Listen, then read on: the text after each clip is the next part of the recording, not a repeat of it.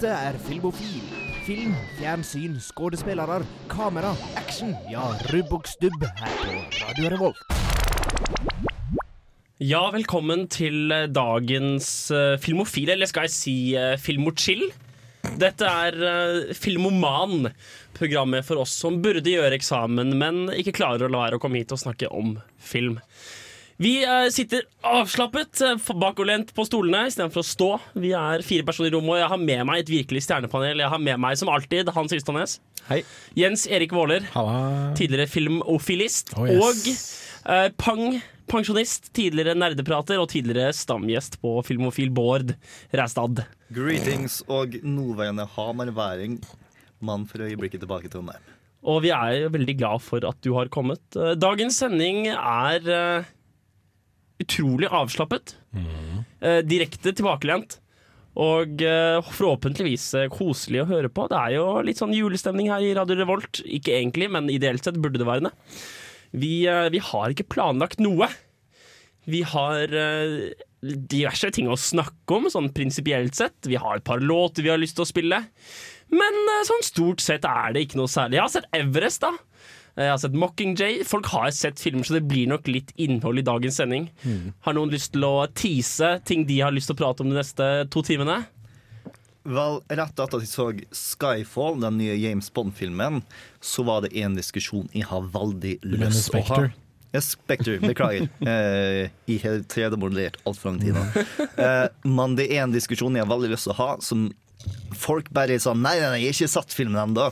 Og nå har det gått lang nok tid at de har lyst å diskutere Ja, denne filmen. alle- Og vi fire har, alle fire her har vel sett Jeg har, ikke, jeg har ikke sett det, men jeg, jeg, jeg, jeg bryr meg du ikke om spoilers og sånn. Yes, Jens, eh, før vi går til låt, har du lyst til å tease et tema? Uh, jeg har litt lyst til å snakke om en eh, serie jeg har sett nå nylig, og hvordan den forholder seg til et par andre TV-serier. Hvilken TV-serie er det? Er det Jessica Jones? Det kan være Jessica Det er Jones. Jessica Jones. Hans, da er Jessica Jones tatt som et tema. Hva, hva, hva, hva har du lyst til? kan- hvis du har noe annet enn meg å snakke om, så, altså hvis du har noe annet om Jessica Jones og snakke om meg jeg har enn meg masse Ja, men vet du hva, da Frykt ikke. Frykt Det- ikke. Men, det er jeg men det er jeg eh, det jeg har litt lyst til å snakke om, det er ikke nødvendigvis så aktuelt, men jeg så nylig Batman-filmen til Christopher Nolan igjen, Mm. og jeg har tanker. Du har tanker. Særlig angående Rises, eh, om hva den filmen burde ha vært. Men da høres det ut som om vi egentlig er uh, spick and span, uh, fight, fight ready Fit for for dagens sending. Nå får dere Intervine med My Only Lie Silence.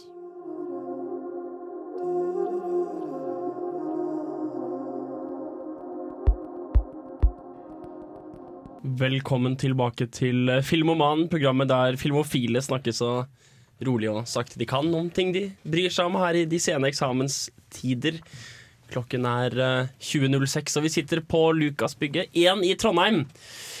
Egentlig det stemmer vel ikke. Vi sitter i Singsakerveien 22, Lukasbygget studio 1 Stemmer det. i, i Trondheim. Eh, vi, kan jo, vi kan jo varme opp med, med klassisk filmofilfaktor, nemlig siden sist. Bård, Bård Ræstad, har, du- Yes. har du gjort noe Har du sett noe siden sist? Du har ikke vært i Trondheim på en liten stund? løpet av det siste halvåret så har jeg sett ingenting. Bare aktivt Ja, unngått hvordan, alt er, hvordan er filmtilbudet i uh, Hamar? Hvordan er, hvordan er det med kinoen i Hamar? Kinoen i Hamar er grei nok. Mm. Den uh, jeg har besøkt den et par ganger. Jeg var der for å se Inside Out, blant annet, som uh, visstnok jeg har fått rykte på meg filmofil til å synes er den beste Pixar-filmen, uten tvil. Ja, det er ingen tvil om at Bård Ræstad syns at Inside Out er den beste Pixar-filmen siden, eh, siden noen gang, faktisk. Jeg vil ikke si det så bastant som det, Vil men du si at du det trekker er den påstanden tilbake? Fordi nå har vi gått on record mange ganger og sagt det.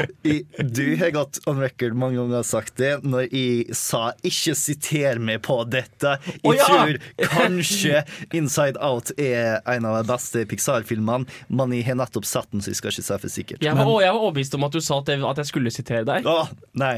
Gå Men er det én ting vi vet om Henrik Ihlen Ringel, så er det at han gir litt beng i de beskjedene han får.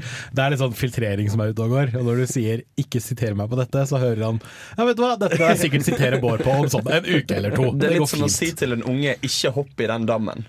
Ja, og så står det sånn to, så står det der i fem sekunder, og så begynner du å hoppe. Ah, oppe i dammen. Men du, du har sett Isolate hvor mange ganger? Jeg har sett den kun én gang. Men Ah, okay. da jeg så den, så var det under fadderuka.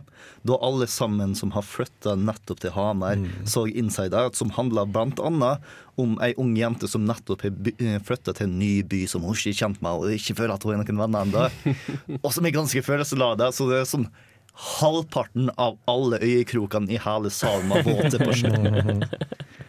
Eh, men jeg skal ikke snakke mer om Inside Out. Jeg har lyst til å ta og snakke om eh, en serie som jeg regner med at dere ikke på Filmofile snakker om. fordi at dere har sett masse som jeg har sett. Jeg har ikke lyst til å ta og repetere. Men Steinsgate tror jeg ikke har blitt nevnt. Steinsgate? Steinsgate. Du har faktisk en semikolon mellom Steins og Gate. Å nei, er det lov? Yes. Det er lov når du er fra Japan. Fordi at oh, ja. de syns at det engelske språket er kulere når du ikke helt vet hvordan den fungerer. Yes. Eh, og Steinsgate er en japansk animert serie som er ganske kul og handler om tidsreise. Eh, den er på sånn eh, 25 episoder. Du finner på den kanadiske Netflix. Eh, og eh, det handler om eh, en kar som kaller seg sjøl en gal vitenskapsmann. Og på en måte er det, men for det aller meste bare liker å kalle seg det. Eh, han og kompisen hans eh, klarer på en eller annen måte å snuble over det å reise i tid med hjelp av eh, mobiltelefoner og mikrobølgeovner. Ikke spør. Men denne tidsreisen her er ganske interessant, fordi det er ikke sånn du hopper inn i DeLorean, og så er du fysisk på en ny plass. Det er det at du tar og endrer tidslinjen. At du hopper imellom forskjellige tidslinjer. Og hovedpersonen er den eneste som opplever det. Alle Wow. andre, alle andre har sånn OK, sånn er verden alltid vært, men sånn er sånn Oh shit! Jo, jo, man begynner å forandre seg! Wow! Eh, Så det er et veldig karakterfokusert eh, tidsreiseprogram. eh, Hvor i starten så begynner du å forstå alle karakterene, og en god del av dem ber ytterst om å kunne ta og endre én ting. For eksempel, du har én karakter som er ei veldig hyggelig jente, bare at hun er en kar. Det er sånn kjempefin jente, men hun er en kar. Jeg forstår ikke, Har det noe med tidslinjen å gjøre, eller bare at Ja. hun er en mann? Eh, fordi det største ønsket hans er å ta og faktisk være jente. Fordi at han føler at han kunne blitt akseptert dersom han var en biologisk jente. Ja. Eh, og eh, han får lov til å ta og sende en melding tilbake til mor si eh, da hun er gravid med han, eh, og ber hun om å ta og spise så masse grønnsaker som mulig. Fordi at i Japan så er det en overtro om at det er eh, eh, barnet om til jente, og det funka! Det, det gir ikke noe mening, men det funka. Eh, Det er fortsatt ikke den minst troverdige i denne serien. ja. Eh, og eh, det bare baller på som at eh, ting blir endra, og så plutselig så har ting gått for langt. Og ja, jeg har ikke lyst til å ta spoilers altfor masse, men dette er en serie som både klarer å være ganske morsom, etter hvert som du blir vant til hovedpersonen som er veldig stor i kjeften i starten, men han vokser på det. Stor på meg, han vokser på det. Men etter hvert så sparker det det i ballene med følelser. Jesus Christ. Ja, for jeg er ingen stor anime-fan, Mm. men uh, det der er en lavterskelserie som man kan begynne å se på hvem som helst, Jeg vil påstå det. Og den har en helt fantastisk engelsk dub. Så Mm. eh, du slipper å ta Dersom det å se på japansk er problemet ditt, engelskdubben er i min mening bedre enn den japanske stemmen. Som sagt, serien heter Steinsgate, og du finner den på den kanadiske Netflix. Jeg føler nesten det virker som altså, Jeg har ikke sett så mye anime, men jeg føler nesten det virker som at de miniseriene, altså de avsluttede seriene, har bedre engelske dubs enn de uendelig evigvarende. Som Ja. regel, ja. Uh, altså, altså for eksempel Naruto sin engelske dub er jo horribel. Eh, mens Fullmetal Alchemist sin er ganske OK. Jeg tror det har litt å gjøre med hvem som lisenserer den engelske utgaven også. Det, altså, fordi vel, altså, Som du nevnte, Naruto-serier altså, serier som Naruto og uh, Onepiece, liksom, de som varer veldig lenge, de blir jo plukket opp av uh, distributører som tenker at uh, ok, dette er noe vi bare kan sende veldig veldig lenge og tjene en del penger på. De har kanskje ikke eh, like stor kvalitetsbevissthet, da, fordi de må dubbe veldig, veldig veldig mange episoder. Ja. Så tror jeg de også må bruke eh, kanskje ikke like mye penger på å hyre inn eh, alle de aller beste skuespillerne. Men i de tilfellene hvor det er få episoder med et veldig lite figurgalleri, Mm. så tror jeg de i langt større grad kan være veldig Veldig selektive da, når det kommer til hvem som skal være Hvem som skal ha de respektive stemmene. Det at de også er kort og går gjennom hele karakteren sin historie, gjør at skuespilleren også kan få en bedre forståelse Ja, for karakteren definitivt. før han tar og finner tak i stemmen. Jeg er jo litt på den at uh, jeg har blitt prøvd å vist sånne TV-serier om altså, sånne typer serier. Jeg, jeg, jeg, jeg så liksom uh, Av- Av- Avatar, The Airbender Nei, The, The Last. Airbender. The Last Airbender. Så litt på det og fikk liksom ikke helt Det er ikke en liksom. anime, da. Nei. I viser det Punkt, punktet første, det er ikke en anime. Hva er det? Punktet, det er en amerikansk animasjonsserie. Ja, Punktet andre, anime. den er for barn. Den er for barn i alderen til hovedpersonen. Så hvor, hvor skal jeg begynne da, hvis jeg må lære meg å like anime? Vel, greia er at vi prøvde å gi det fasitsvaret. Ja, men du, Fasitsvaret er du- Cowboy du- Bebop. Ja, Ja. Bård ga meg et par Cowboy Bebop, og jeg Ja. så fem episoder av det eller noe. Ja, Og det, jeg ble liksom ikke helt truffet. ok. Full Metal Alchemist Brotherhood kan noen gang anbefales. Å ja? Eventuelt bare den vanlige Full Metal Alchemist. Nei, jeg synes jo, Brotherhood jo, den er god, den òg. Uh, nei, men Jeg, jeg syns Brotherhood er bedre nettopp fordi at den følger tegneserien mye striktere. Eh, og generelt, jeg syns at i alt av anime som er basert på manga, Ja. så vil mangaen være bedre, for den i mindre grad har filler og må i mindre grad dope opp stoffet sitt med masse ting bare for å fylle ut episoder. Ja, den, den vinklinga skjønner jeg, men jeg personlig, og nå er min personlige mening annen enn din, men uh, min person, jeg mener det at uh, selv om den skiller seg fra originaltegneserien, eller mangaen, så har ikke det så mye å si, for jeg syns de klarer å lage en god kjernehistorie likevel, Ja. som toucher innom de samme tingene. Dette med, liksom, med selvoppofrelse og, og så videre og så videre. Jeg skal ikke liksom avsløre alt som skjer inni dette her, da. Brotherhood er vel kanskje kortere òg, skjønner jeg? Jeg Den- tror faktisk den er lenger. Ah, Det er vel sånn cirka på samme lengde. rundt Men en 60-70 episoder, Brotherhood går veldig kjapt i den delen som ja. overlapper mellom den originale og den nye serien. Mm. Og det fører til at eh, noen av de beste scenene i starten bare blir sånn kjapt gått over, mens de virkelig treffer det i originalserien. Mm. Men i min mening, du har to b- eh, eh, Full Metal Alchemist. Det betyr at når du er ferdig med å se én, Så kan du se den andre. så kan du se nytt. Ja. Og det er bare Det er verdt det, i min mening. Noen andre som har sett noe siden, siden sist? Jeg, jeg, jeg har litt lyst til å snakke om Everest. Ja. Uh, en film eh, som kom ut på kinoer i eh, høst med um, og hva heter de alle sammen? La meg, med, med blant annet han Jason Clark. Um, Aner ikke hvem han er. Jason Clark er han som spiller um, Ja, han der, ja. Han som spiller uh, hovedpersonen i Dawn of the Planet of the Apes. Han spiller John Og- Connor i Terminator ja. uh, kjønnssykdom. Ja, si. ja, Terminator Gen Genesis. Takk, til- takk til deg. Uh, Det høres ut som en kjønnssykdom. Ja, det gjør det. Everest er en film uh, om en klatreekspedisjon hvor vi følger et visst team. Og uh, litt sånn diverse andre team. Og han hovedkarakteren vår, Jason Clark, er, han er sjefen for et av teamene, og han, uh, han godeste um, Og hva heter han uber-creepy motherfuckeren fra ah. Hvorfor er ikke Ja. navnet hans her? Jeg vet ikke, eh, For de som ikke hører på dette her og tenker shit, hva er det som egentlig foregår eh, Henrik, Henrik slår opp filmen på IMDb. Jake Gyllenhaal Ja, han, ja. er nummer 40 på lista over navn. Det har noe med sånn stemmer og sånne ting. Det var en eller annen ukjent skuespiller som havna på toppen av Nei, som havna over Tom Cruise en gang, på en eller annen film som han spilte en statistrolle i. Hvorfor det? Fordi folk eh, Det var et eller annet med at folk IMDb er brukerstyrt. Så, folk stemmer opp cast-list på jeg, var, Nei. jeg tror det var noe sånt, ja. Jesus. Det er jo ofte in order of appearance. Og Ja, ikke, ja. Det var jeg. Og det gir kanskje mening Ja, det, okay, det gir kanskje mening gjøres. I hvert fall Jack Gyllenhaal spiller av den litt sånn fordrukne eh, kompisen til um, til eh, vår, eh, vår hovedkarakter. Og det er, det, er, det er så bare Du blir introdusert til masse karakterer, og de får alle sammen liksom en personlighet og en familie og en tilknytning, og da tenker du med en gang å nei. Alle kommer til å dø. Alle kommer til å dø, fordi de tenker at å nei, nå, nå bryr jeg meg om han der, jeg har møtt moren til han der, jeg har møtt kona til han der, jeg har møtt ungene til han der, og han, han der har til og med fått en, en protagonisthistorie. Han er, han er her for å være avis og skal skrive en artikkel, og alle har fått bakhistorier. Dette kommer til å gå så galt. Man filmer den til Everest, så jeg Film etter antar Everest. Nei, de, de, de drar faktisk opp, og opp til K2. Veldig paradoksalt. Nei, jeg, jeg, jeg tuller. Jeg tuller. Eh, Men de, er det noe mer enn at jeg drar til Everest? Nei. Nei, ok det, det er bare det. Eh, de, drar, de, de, de introduseres, de møtes i Nepal, og de drar alle opp til, til Everest i mer eller mindre grad. Ok. Eh, og, og det er hele filmen.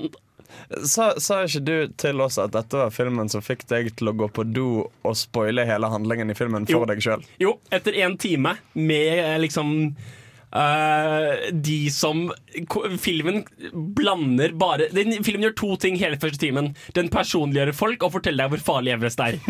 Det er alt den gjør. Og det bare, det bare økte og økte. økte Jeg begynte å bli litt emosjonelt investert, og jeg bare vet du, det her orker jeg ikke.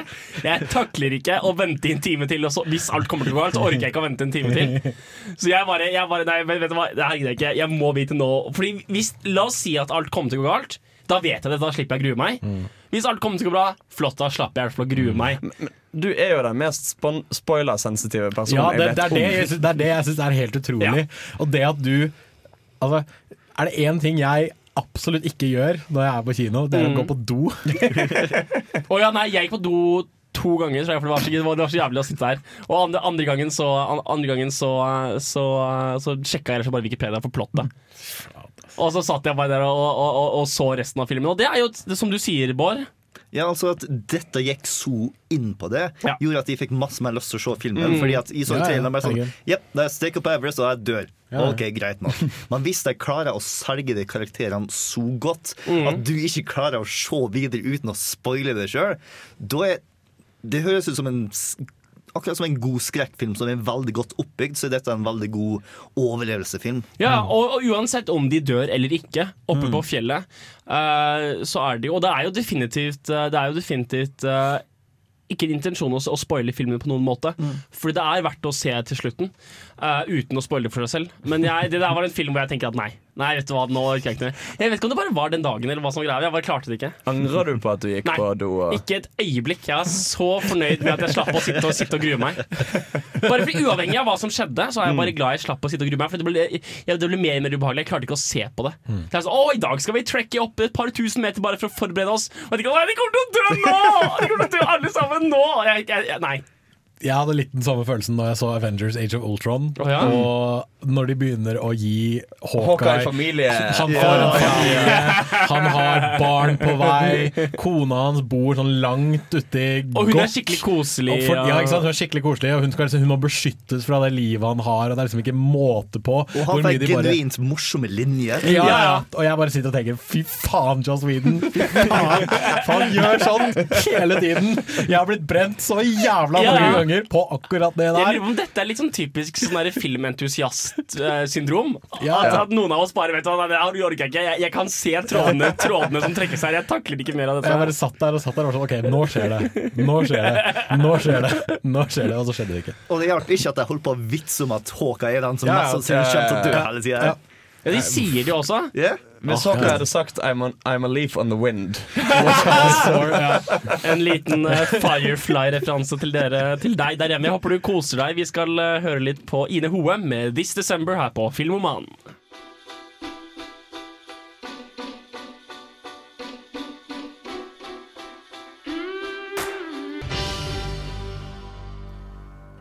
Og vi er tilbake i Filmoman, der vi eh, slapper helt av, leder oss helt tilbake og snakker om film. Fordi det er mye koseligere å snakke om film enn å drive på med eksamenslesing. Og det synes jeg du også Det håper jeg du også synes der hjemme. Eh, Hans, siden sist så har vel du muligens oppdaget en ny Netflix-serie. Ja! Eh, meg og Jens Erik og Bård. Indeed. Og jeg. I likhet med altså, De aller fleste har jo sett denne serien. Ja, altså Jessica Jones. Eh, som, som da er Marvel sin nye Altså litt sånn Han har nærmest litt sånne noir-aktige tendenser. Hvor du har hun er Jessica Jones, som er en privatetterforsker med superkrefter. Altså hun er supersterk. Og så kan hun nesten fly. Nesten. Hun kan hoppe eh, skikkelig, skikkelig langt. Guided Falling. Ja, Sant. Guided falling. Nei, øh, nei, men det er dødskult. Altså, det følger hun, og så får får hun en sak da hvor det er en jente som har forsvunnet med en fyr. Og så finner hun ut at denne fyren er jo en fyr hun har vært borti litt tidligere, som er en skikkelig skummel fyr. som har sånne der krefter med at hvis han sier at noen skal gjøre noe, så kommer de til å gjøre det. Han kan liksom styre tankene til folk. Og så handler det bare om at hun prøver å få han ned med liksom hjelp fra vennene sine, blant annet eh, Luke Cage, som er en annen eh, litt sånn B-liste Marvel-superhelt. Eh, og diverse folk de får med seg på laget. Og det er dødsgøy. Ja, for det var det en bra TV-serie? var det en bra tegneserie? Jeg har lest tegneserien, og jeg likte den veldig godt. Men den var relativt annerledes ifra TV-serien. Eh, Så dersom du har sett TV-serien og har lyst på mer, det finnes mer. Og tegneserien er veldig vanskelig å gjøre i TV-serieform, sånn som Marvel Cinematic Universe er nå. Hvorfor det? Fordi at den gjør noe veldig interessant. Den der ble skapt tidlig 2000-tall og bare utnytta seg av at Marvel-universet var sånn 40 år gammelt på det tidspunktet. Så eh, Brian Michael Bendis, som skrev serien, bare tok og putta Jessica Jones retroaktivt inn i Marvel-universet. eh, fikk hun til å Blant annet så fortalte hun at hun gikk på skole med Peter Parker og hadde crush på han. Oi. Eh, men det skjedde aldri noe fordi at hun havna i ulykken som fikk eh, at hun fikk superkrefter. Ja. Hun var der til og med da han ble bitt av den radioaktive Hun var en, de- en del av Hun var til stede Yep. da det Dette er litt sånn Star Wars prequels-type. Ja. Og eh, på et tidspunkt så var med hun i Avengers og alt mulig rart. Og på et tidspunkt i TV-serien så får du se en. I, Nei, i TV-serien Ja, mm. så får du se eh, en, eh, et kostyme bli presentert, og navnet Jewel blir kasta rundt. Og det skjer faktisk i tegneserien. Det var bakgrunnen hennes. Hun var aktivt en superhelt med Hun har vel lilla hår og alt mulig rart. Så kjempehappy ut på den tidspunktet. Og så kommer skurken fra TV-serien, som også er skurken i tegneserien. Og det er jo Jeg mener, jeg var Raskt spørsmål. Det var veldig pen sånn var, veldig pen innledelse inn i, den, inn i fortsettelsen av samtalen. Men la meg bare bryte helt tempoet her og spørre om et spørsmål. Eh, De, I tegneserien så kommer det der drakten, den grusomme drakten som hun eh, vakre dama introduserer og sier at her er Du kan, du kan hete Jewel, no I will not have a stripper name. Og så er det. Men i deskripsjonen til Netflix så heter det at hun er en eks-superhelt. Ja. Mens i TV-serien, faktiske TV-serien så gir hun ikke inntrykk av å ha prøvd det. jeg, altså jeg fikk inntrykk av at hun hadde, hun hadde prøvd noe, men kanskje funnet ut at altså, så kan det hende at hun på det tidspunktet ble funnet av denne Ja. skurken Killgrave, som han også heter. Og så gikk ting litt uh, til helvete. Og hun har liksom skjønt at hun har noe ved seg selv som gjør at hun ikke kan bli en superhelt. Eller jeg vet ikke. Altså Det antydes jo at det har vært på veldig mye den litt mer sånn eh, Vigilante-greia. Ja, litt med den Ja. måten. Litt som i Daredevil. Litt, Ja. At det er litt tilbake til det å fucke vesketyver og sånne ting. Ja, fordi hun sier jo let the, big, 'let the big green guy take care of the big stuff'. Altså Ja. De har trakt inntrykk av at Marvel Hva heter de superheltene? Hva heter det? Avengers. Avengers At Avengers skal liksom ta seg av det store greiene. Ja. Mens Jessica Jones, hvis hun skulle vært superhelt, så ville hun vært mer sånn lokal New York-superhelt. Og det er jo det de, det er det de bygger opp til nå med dette Netflix-samarbeidet. Fordi det er det, altså alt foregår i Hell's Kitchen. Hell's Kitchen, altså New York eh, i Marvels filmunivers. Men det de bygger opp til etter hvert, er at Daredevil, Jessica Jones, uh, Luke Cage, som får sin egen serie til neste år, eh, og en fyr som heter Power Fist Nei, Iron, Iron Fist, Fist. er det han heter. Det er Powerman og Iron Fist. Um, Iron Fist får sin egen serie, han også, etter Luke Cage, og disse fire skal da bringes sammen til å bli superheltlaget The Defenders. Som der, Som Defender Hell's Kitchen. ja, altså sånn, der, der Avengers uh, hevner jorda, holdt jeg på å si, Ja. skal The Defenders beskytte Forsvare. mannen på gata, da, holdt jeg på å si. Jeg må som en liten sånn tangenterende sidekommentar her si at uh, i den grad mye av disse her titlene høres ut som pornofilmer, så må jeg si at Power Fist er over grensa. Nei, det er, det er Iron Fist. Ja, akkurat. Fordi det, det, det er ikke greit. Det er ikke greit. Det er ikke innafor. Men ja, jeg må jo si at i, jeg så også på Jessica Jones uh, nå forrige uke, og jeg må si at Kilgrave spilles jo av Det er en liten reveal, det er det. Skal vi reveale det eller ikke? Altså, det er i opening credits. Det er i Ja, det er det. åpningssekvensen. Det Eh, spilles jo av David Tennant. eh, Tidligere Doctor Who. Tidligere Doctor Who, Og det Doctor er Who så deilig casting for min del. Det er veldig mye av Altså Han spiller en litt sånn fanivoldsk utgave av The Doctor sånn Ja. til å begynne yeah, yeah, med, og så kommer han opp til det punktet hvor han avslører hva hele motivasjonen hans er. Mm. Og så blir han strengt tatt den ultimate forsmådde ekskjæreste. Ja, absolutt. Og jeg, og jeg, og han, men altså, hans brutalitet den, den brutaliteten de tillater i den serien, som er helt på høyde med liksom eh, Criminal Minds Ja. møter, eh, møter Sin City, liksom. Og det, det, det syns jeg var fascinerende. Den brutaliteten gjorde det interessant for meg. Altså, nå har jeg kun sett eh, eh, fem episoder så langt. Men jeg kjenner også Kilgrave, eller Purple Man, som han heter i tegneserien. Og får- Jeg får ikke Killgrave, kjenner jeg. Ja, Eh, og eh, i min mening så er Kilgrave voldtekt og dopavhengighet kroppsliggjort. Ja, men det får du i serien nå. Mm. Så til de grader òg.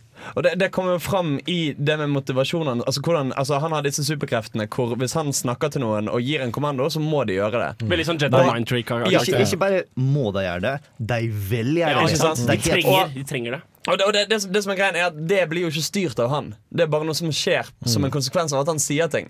Så det kommer fram litt at han vet jo aldri helt om folk gjør noe fordi de vil gjøre det, eller om det er fordi kreftene hennes virker. Og han, han gjør jo den tingen i femte episode hvor han, hvor han unngår bevisst Ja, å si Men, men, men det som er så interessant er at altså, det funker jo veldig fint som en sånn eh, voldtektsparallell. Ja. I den grad at mange voldtektsmenn ser jo ikke på seg som voldtektsmenn. Nettopp.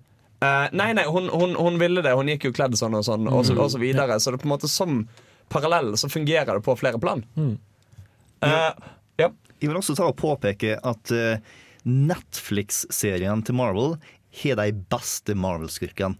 Både Kilgrave og Kingpin er det bare sånn De er de beste skurkene. Du har Loke, som absolutt er morsom å se på, men alle andre filmskurker klarer ikke å måle seg med Netflix-skurker. Uh, Kingpin, det er Daredevil. Ja. Ja.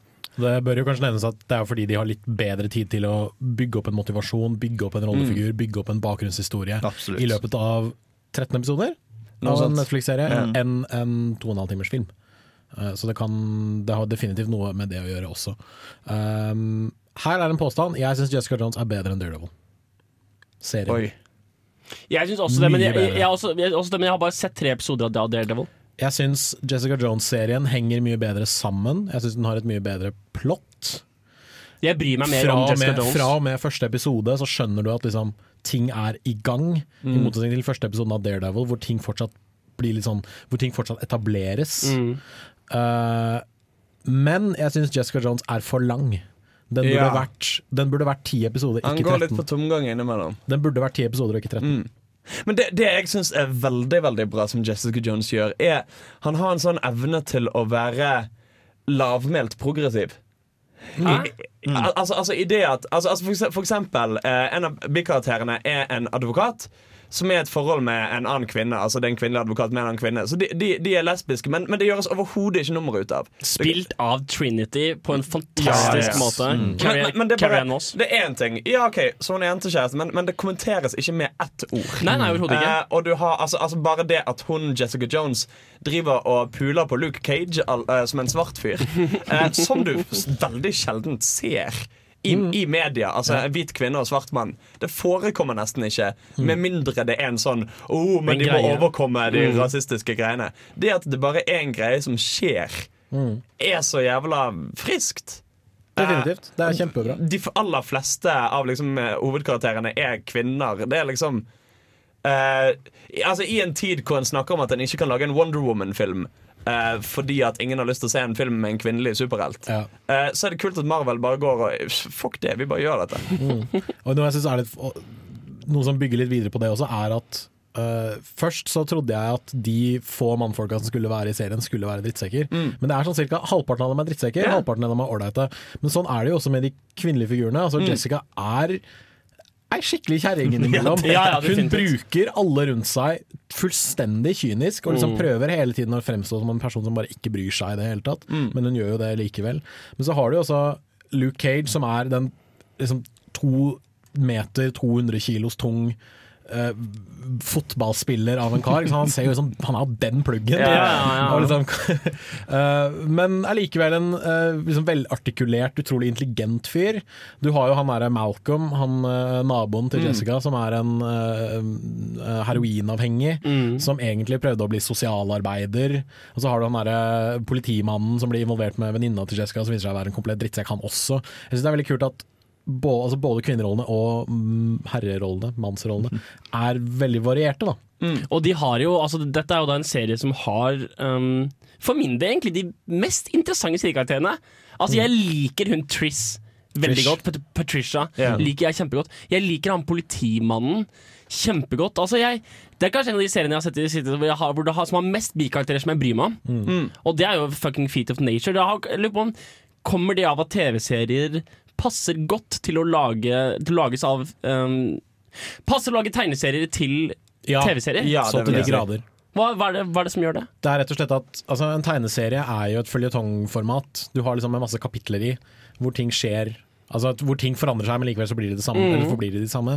Det er jo litt sånn i TV-serier også. Um, med mindre det er liksom en, en one-shot eller en, liksom en begrensa serie på så så Mhm. mange episoder. Men altså, du kan, det blir veldig vanskelig å ta en Altså, du kan ta en så omfattende serie som liksom alt av Avengers og prøve å putte det inn i en film, og de klarte det veldig bra. Men liksom, så har du også serier som ja, miniserier sånn som Preacher eksempel. Det gjør de nå om til en TV-serie. Og jeg tror ikke det hadde fungert like godt som en film Preacher er en tegneserie om en prest Nei, som prøver å finne. Miniserie og miniserie Ja. Den er på sånn 60 issues. eller noe sånt. 12, 12 trade paperbacks, men det er liksom en annen greie. Det er, liksom, det er ikke 40 år med tegneserie, liksom. Men uh, jeg, jeg tror det er rett og slett det liksom, føljetongformatet. Det at det er masse episoder, masse kapitler Ja. som, som følger etter hverandre. Ja, for karakterene blir for, for uh, de, de kan ikke bli dype nok i filmer. Liksom. De, kan ikke, de, de, de kan ikke få nok bakhistorie. Du kan ikke få nok fokus på hver enkelt karakter. Så det blir liksom enten jævlig lite galleri eller veldig tynt. Altså, jeg vil jo si at for eksempel Joss Whedon får det til i Avengers-filmene. Ja. Eh, men, Men vi ser jo også hva som skjedde i Avengers Age of Ultron, som er så fullstappa med ting det er nettopp det. at det nesten Det blir så mettet. Ja. Uh, og, og, og det går så hardt utover. Altså, altså Joss Whedon uh, ga seg jo med Avengers bare sånn Dette orker jeg ikke mer. Ja. Uh, det har gått såpass hardt på han, det å skulle få alle bitene til å passe sammen. Det å på en måte hver dialoggreie, sånn at alle karakterene kan si noe som bygger de litt, og få så mye utvikling inn i hvert sekund av screentime. Men selv Avengers og Avengers Age of Ultron, de to filmene som er såpass tettpakket av info, er jo tungt. Hviler tungt på at det kom to Thor-filmer. Det kom én Ja, ja. ja, Tour Altså, det kom jo Hvor mange var det? sesong er Agents of Shield. Ja, var det fem? Er det fem forskjellige filmer som bygget opp til den første Avengers-filmen? Hvor mange filmer er det? Det er to Captain America-filmer. Er Nei, nei, nei, nei. En Captain America. Captain America, En. Incredible Hulk, en. Thor. Thor, en. to, Iron Man, Iron Man 2. to Iron Man, så Fem. fi- Ja. fem filmer, ja. Ja. Og det er jo, så det er, det er jo nesten serieformat, det også. Vi får én episode med en Thor, og så får vi Og det er jo det som er Det er jo sånn tegneseriene ofte har vært før. Altså Alle disse folka har hatt sine individuelle tegneserier, og så Ja. har de tenkt at hva om vi putter dem sammen? Hva om vi gjør en crossover ut av dette? Og liksom, Du har jo da nå også du, Det er jo Avengers, en Avengers-tegneserie som går parallelt med en enkeltstående Thor-tegneserie. Bare sånn for å komme med et eksempel. Ja, men Hans, det er jo interessant. Du, ah, Jens Erik, du snakker om samme samspillet mellom MCU, Marvel Cinematic Universe, og Ja. da TV-seriene også, og versus tegneseriene. Hans, du snakket om uh, X-Men versus uh, Mut Mutants, var det det? Humans. Ja, Inhumans. altså, altså det er jo fordi Altså Marvel er ganske bitre. Fordi at de drev jo og solgte unna alle rettighetene sine før de skjønte hvor jævla mye fuckings penger de kunne tjene på det. På X-Men. Eh, på X-Men, blant annet. Eh, som det er nå Fox som eier. Um, og siden de har innsett at Ok, Fox har nå begynt å klare å lage gode filmer på dette. Vi kommer til å se snurten av de rettighetene på i hvert fall en 10-20 år. Og det, innebæ- det involverer også at i en Marvel-film kan de ikke si ordet mutant, Nei. blant annet. uh, mutant er jo da ordet på disse X-Men-superheltene. Eh, det som da skjer, er at Marvel tenker Vet du hva, fuck it, da skal vi avvikle hele X-Men i tegneseriene våre, for vi har ikke lyst til å liksom drive og feede opp under det greiene der. Så um, i liksom mange sånn masse sånn pro promomateriale og storslagne greier, så er det ikke noe X-Men å se. Um, de begynner å eh, bygge mer og mer ut uh, Inhumans, som er på en måte en annen ting. Som på en måte er litt mutanter, på en måte ikke.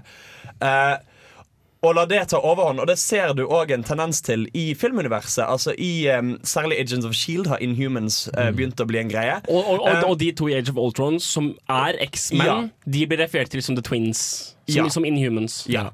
Uh, og så har du det i Jessica Jones så har du òg et stoff som noen folk tar, som gjør at de blir sterkere og kraftigere, og kreftene deres fungerer bedre. og sånn um, Som lages av et selskap som heter IGH. I X-Men-tegneseriene så har du noe som heter MGH. Mutant, Mutant Growth Hormone. Så jeg er bombesikker på at det kommer Inhuman growth hormone. growth hormone. Det, altså, dette er en teori du personlig har kommet med. Ja. Dere hørte det først her på Filmo, Ja, men vet du hva? Vet du hva? Den, ja, den støtter Det- jeg, altså. Det gir veldig mening. The pisses fit. Mm, Eh, definitivt. Så, so, so, so basically Veldig sånn Nå var det en liten tornado utenfor studio, Er det det derfor det plutselig ble en pause. American Pie jeg tenker på? Ja, ja, ja, veldig, veldig American Pie-øyeblikk utenfor nå, hvor en liten tornado av løv. Mm. Men poen- poenget er da, dette er Marvel som prøver å ta tilbake på en måte Eller fylle det tomrommet da i ø, universet sitt nå med å kunne ha X-Men som ikke er X-Men. Ja, fordi, det er opp til, fordi Marvel har solgt filmrettighetene til, av X-Men, har Ja. de solgt til Fox, men de eier fortsatt tegneserierettighetene til X-Men. Ja. Så det er opp til dem å, å holde liv eller ikke holde liv i tegneserie-X-Men-greia. Ja, men, det, men dette ser du med Fantastic Four òg, for eksempel. Eh, De annonserte for en stund siden at de skal De har vel kanskje gitt seg helt med å lage Fantastic Four. Tror det. Eh, Det fins ikke som en eh, egen publikasjon lenger, og det er noe som har vært siden 60-tallet. Hvem er det som eier Fantastic Four nå? Uh, Film, det- filmrettighetene? det er Fox. Fox, det Det er Fox, ja. Ja ja! Vi skal ta og høre Karni, Kari Arneshaug, 'For Your Love'. Du hører på Radio Rolt, du hører på Film mot chill. Eller eh, Filmoman. Håper du koser deg. I've been feeling kinda out of path. Life's been Her skal jeg bare begynne å snakke. Smooth. Kjempesmooth. Det du sier er at du liker slåssescenene Ja. i Daredevil. Er det lengre? Du liker det er fordi Ok, eh, Til deg som hører på, nå er jeg kjempeforvirra. Eh, vi sitter jo selvfølgelig og prater mens eh, musikken går og mikrofonen er skrudd av. Og noen ganger så innser vi at hei, denne diskusjonen hadde passet veldig bra å ta på lufta. Hold kjeft, og så bare fortsetter vi å snakke. Ja. Fordi vi snakket om Luke Cage, og han som spiller Luke Cage, hvis navn jeg ikke husker akkurat nå, men han er en kjempedyktig skuespiller. La meg, synes, la meg sjekke imens. Synes jeg, synes vi, i hvert fall. Ja. Og i den eh, Er det andre episoden? Tredje episoden? Mike Colter. Den er Mike heter han. I andre eller tredje episoden så eh, er det en slåssescene i baren som eh, Luke Cage eier Ja. slash driver. Der du, får, der du får se hva kreftene hans er. Og det er at han er kjempesterk, og han har uh, hud som ikke kan uh, stikkes hull på, da, rett og slett. Og altså, Uknuselig hud. Hvordan han slåss i Jessica Jones er en av mine absolutte yndlingsting. Mm. Ja. Det er vanskelig å vise det på radio, men han gir så faen. Ja. Han er så han bare batting away flies. Han Ja. bare gir så F. Det er, Og det, det, det er så tydelig at dette er en fyr som er vant til å være sterk og Ja, ikke sant? At, at han har hatt det sånn lenge, og dette er sånn han har lært seg å håndtere eh, ting. Uh, men det, det jeg fortsatte med å si, var det at jeg synes slåssingen i Jessica Jones er mye bedre enn i Daredevil.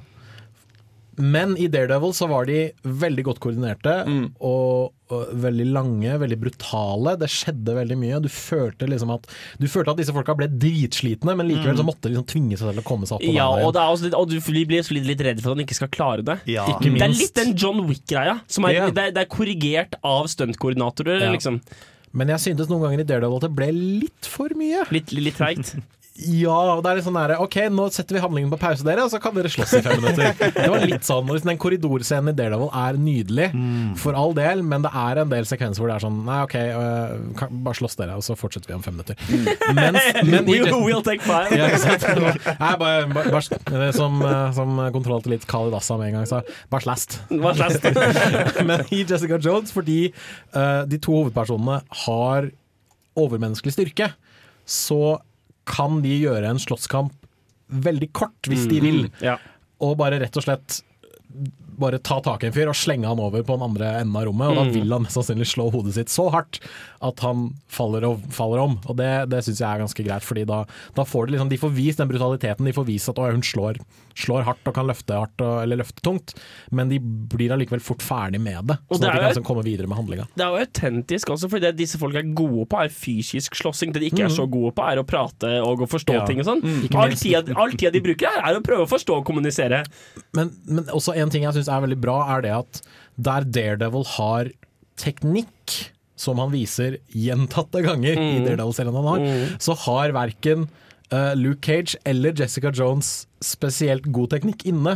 De er blitt liksom litt for vant til å slåss med superstyrke, og det syns jeg de det klarer de å snu opp ned på et par ganger, spesielt når de møter folk som er liksom teknisk flinkere enn dem yeah, til å slåss. Yeah. For altså, liksom, all superstyrke i verden hjelper ikke hvis du ikke kan klare å Treffe. dukke hvis, ja, ikke sant? hvis du ikke klarer å treffe, eller hvis du ikke klarer å dukke unna Ja. fyren som har liksom, en neve to centimeter unna Ja, ja. eh, nesa di.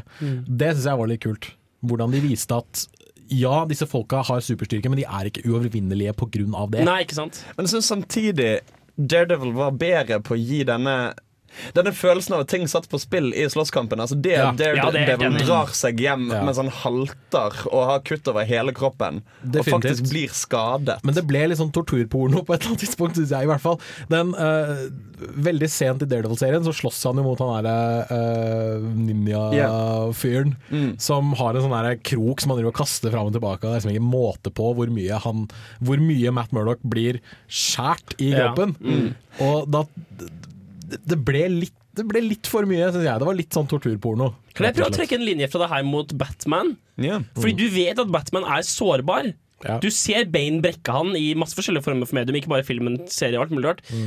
Så når du ser, eh, når du ser Daredevil slåss, så er det fordi det er velplanlagt, eller fordi han er, han er teknisk god. Men du vet han kan skades, på samme måte som Batman kan skades, men han er gjennomtenkt og han er tekn altså teknisk god. Mens, mens da blir det mer sånn Supermann-aktig med, med disse to uh, um, Det blir i hvert fall det med, med Luke Cage, i hvert fall helt opp til et visst punkt. Men- skal jeg ikke avsløre så altfor mye, men uh. En kan jo kanskje si at Altså Daredevil har mer som står på spill fysisk, mens Jessica Jones har det mer psykisk. Ja, fordi disse folka er ikke like smarte som Daredevil. Nei, og, og altså, altså generelt Altså mye av skurk, skurkegreien med Kilgrave er jo nettopp de eh, psykologiske traumene han har påført Jessica. Eh, heller enn at det nødvendigvis er noe fysisk. ja. Jeg liker også at ingen av disse seriene går for humoren. Mm. De prøver ikke å være morsomme. Hvis det er morsomt, så er det fordi, eh, fordi Litt sånn små comic relief innimellom i Daredevil. Jo, jo, men, med han men, der, ja, ja, men De altså, er vittige. Ja. ja, altså, altså er de vittige for hverandre. Det er ikke vittige for oss som Ja. publikum. Det er vittige fordi de prøver å få hverandre til å le.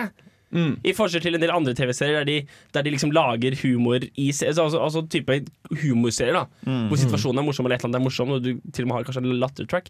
Så er det her Det er ikke humoren det går for. Nei. Det kan være koselig, det kan være lunt, men det er, ikke- det er, ikke, det er ikke intendert til å være latterpunkter. liksom Mm. Men Hva er comic relief i uh, Daredevil? Er det han kompisen? Ja, det er kompisen. Det må han- nesten være Foggy Nelson. Ja. Ja. Uh, vi har uh, kanskje varmet opp nå. Eh, muligens. Eh, Jeg tør å påstå det. har du noen uh, Skal vi ta og gå videre der? Filmofil Kan jeg, eh, kan, jeg, kan jeg få komme med en fun fact om Marvels Ja, filmunivers? det. Ja. Fordi nå er det i Marvels filmunivers så er det fire tidligere, altså fire tidligere Doctor Who-skuespillere som løper rundt, og to tidligere Power Rangers-skuespillere som løper rundt. Power Rangers? Ja. Uh, Nå må jeg tenke Doctor Who her. ja. For David Tennant David ser vi jo. Tennant, ja. Du har uh, hun som inntil nå nylig spilte den nyeste companionen i Doctor Who, Jenna Louise Coleman, har en knøttliten rolle i Captain America. Som Captain Americas Altså som Steve Rogers' date. Når han drar Ah. sammen med Bucky på yeah. en sånn her framtidsutstilling hvor han liksom blir Altså, rekruttert altså av før han er blitt Captain America. Yes. Altså, det er, i, det er i en flashback i Winter Warrior. Nei, i eh, Nei, nei. første Captain America-filmen. filmen. Ja. Før han har tatt serumet. Så. Så det er to. Ja. Du har Christopher Eccleston, som spilte i den første Nei. sesongen av Ja, ja, første sesongen av Doctor Who, da det ble brakt tilbake. ja, ja, jeg vet ja, hvem han er, men Han spiller uh, Malekith i Thor the Dark World. Og til Og siste er hun som spiller uh, hun blå i yes, i Karen Guardians- Gillen, Ja. som spiller Nebula i Guardians of the Galaxy. Uh, som uh, Spiller Carrie Gillian i Det, det gjør hun det? definitivt. Og hun var jo da uh, Amy Pond i Doctor Who sammen med Matt Smith. Eh, ja. Og så da, i uh, Daredevil, så er det en av disse to russiske gangsterne Yeah. spilles av uh, Er det Karen Gilliam som spiller er Nebula? Ja, Jeg ser på bildet av henne, og hun ser fortsatt ikke ut som Karen Gilliam. Barberte hun faktisk hodet sitt? Ja, se på deg, se på deg, se på det. Holy shit, det er bilder av at hun barberer hodet på internett. Beklager, you were saying Uh, han, russ, ene russeren spilles av en blond fyr som heter Nikolai Nikolajev. Du mener russeren i Avengers? Daredevil? I Daredevil. Ja, som, uh, han spilles av en skuespiller som heter Nikolai Nikolajev, som spilte Dominic i Power Rangers Jungle Fury. Herregud. Og uh, Malcolm, naboen til Jessica Jones, spilles av en mann ved navn Ekka Darville, som spilte Scott Truman i Power Rangers RPM fra 2009. Herregud, du er så nerd! jeg liker det, jeg liker det. jeg liker det, jeg liker det. mitt, mitt store håp er at i Luke Cage-serien skal det dukke opp enda en Power Altså, Rangers-skuespiller Erik, og enda en Doctor Who-skuespiller. Jans Erik, på dette tidspunktet så kunne jeg bare dikte opp nok en Power Rangers-skuespiller, og ingen har tatt det på det. Men hør da For så, Hvis vi drar sånne greier, så kan vi jo linke Marvel og DC-universet. Definitivt. Fordi du har i uh, Jessica Jones uh, David Tennant, Ja, ja. som spiller i Doctor Who. I Doctor Who spiller også Matt Smith. Matt Smith spiller i den nye Terminator-filmen sammen med Khaleesi fra Game of Thrones. Ja. Som Ikke, ikke en film du trenger å se, forresten. I den, Nei. den, Nei, den nyeste Terminator-filmen. Nei, nei. i Game of Thrones spiller òg Jason Momoa. som skal som spille skal spille Aquaman. Aquaman. Ja. Uh, og Det er litt sånn Five Degrees from Kevin Bacon. nå, nå, nå har Seven Degrees of Kevin Bacon Nå har vi snublet over det som da jeg gikk på filmvitenskap var en veldig morsom lek. Jeg pleide å spille med uh, et par andre som jeg studerte med. Det var det at Vi tok et A4-ark.